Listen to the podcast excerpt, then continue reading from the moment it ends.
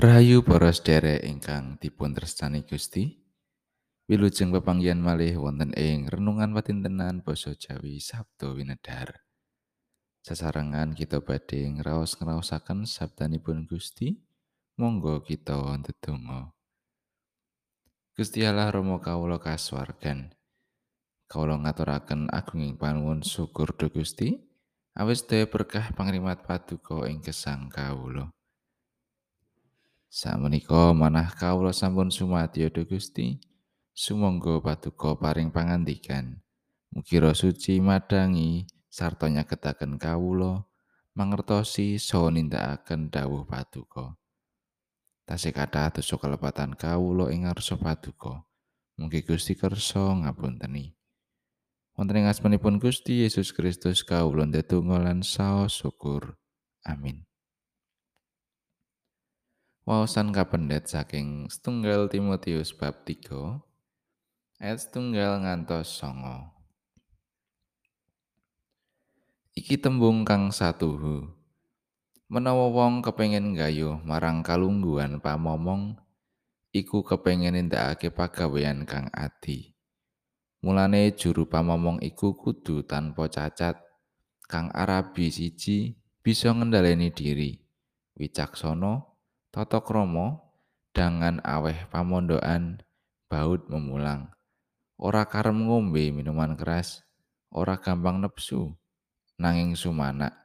demen ngrukunake ora ngawula marang bondo dadi kepalaning brayate kang becik kang diiringi lan diajeni dening anak-anake menawa wong ora bisa ngemudeni brayate dhewe kepriye anggone bisa ngurus pasamuaning Allah aja wong kang lagi wae meratobat supaya aja dadi gumunggung lan kena paukumaning iblis Apa maneh ya kudu kasaksenan becike ana ing saenjabaning pasamuan supaya aja kena ing panggugating wong lan tumiba ing kalaning iblis.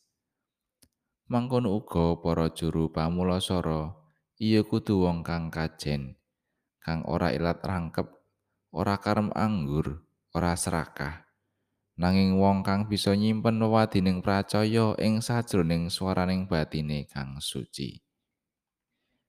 Makatan pangantikanipun Gusti ayat najek ayat setunggal.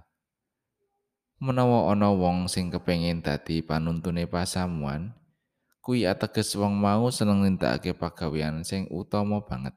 Kuwi bener. Pemimpin ing pasamuan iku kasebut panuntun. Wong kang nuntun iku ateges bebarengan anggone mlaku. Ora mung ngakon, nanging nyontoni. dudu pangarsa kang ngereh apa maneh medeni lan meksa nanging dadi tulodo jane pemimpine pasaman iku ora liya kecebo Gusti Yesus lan kabeh warga iku kegelitan sarirane Sang Kristus kang nunggil bebarengan lan Sang Kristus kang jumeneng minangka sesirahing pasamuan yen nganggo gambaran pangon lan pepantan wedhus sing dadi tanggung jawabe kabeh warga pasaman iku iya dadi wedhus-wedhus kagungane Gusti. Menawa dudu amarga sih rahmate Gusti kang nimbali lan paring ganjaran, ora bakal ana kang bisa dadi pemimpin ing pasamuan. Dino iki kita kaelingake. Pemimpin pasamuan iku dhisik dhewe dadi panuntun ing setengahing kulawarga. Bener banget pangandika. Menawa ora bisa ngereh prayate dhewe, kepriye bisane ngomong pasawane Gusti Allah? Lan yen ora bisa ngereh awake dhewe saka pepinginane ora karem ngombe minuman keras kepriye bisane nuntun wong liya? Ana kautaman liyane kaya dene sabar bijaksana bisa mulang wong liya. Duwe sih piwelas marang wong sing sangsara ora seneng duit jujur watake becik lan atine resik Pemimpin sing kaya ngono iku luwih aji tinimbang bondo Mas Inten Berlian sing larang regane. Amarga dadi dalan babarake tentrem rahayu ing urip bebarengan. Sejatine keterangan pemimpin sing utama iku ora mung kanggo urip pasamuan, nanging uga becik kanggo tata urip bebarengan ing masyarakat lan bangsa. Nalika nyawang lan ngrasa-ngrasakake kahanan brayate, wis bisa kanggo sangu priksa kepriye carane menawa keparingan kalungguhan mimpin kanggo sak bangsa sumangga nalika ndedonga kanggo pemimpin kita uga ndongakne sak kulawargane. Amin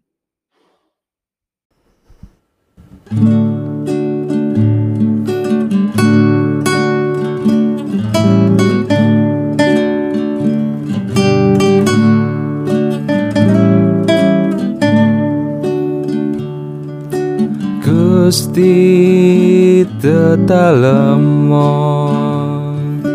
enjing sabunika ing batos kawula lumantar patuko.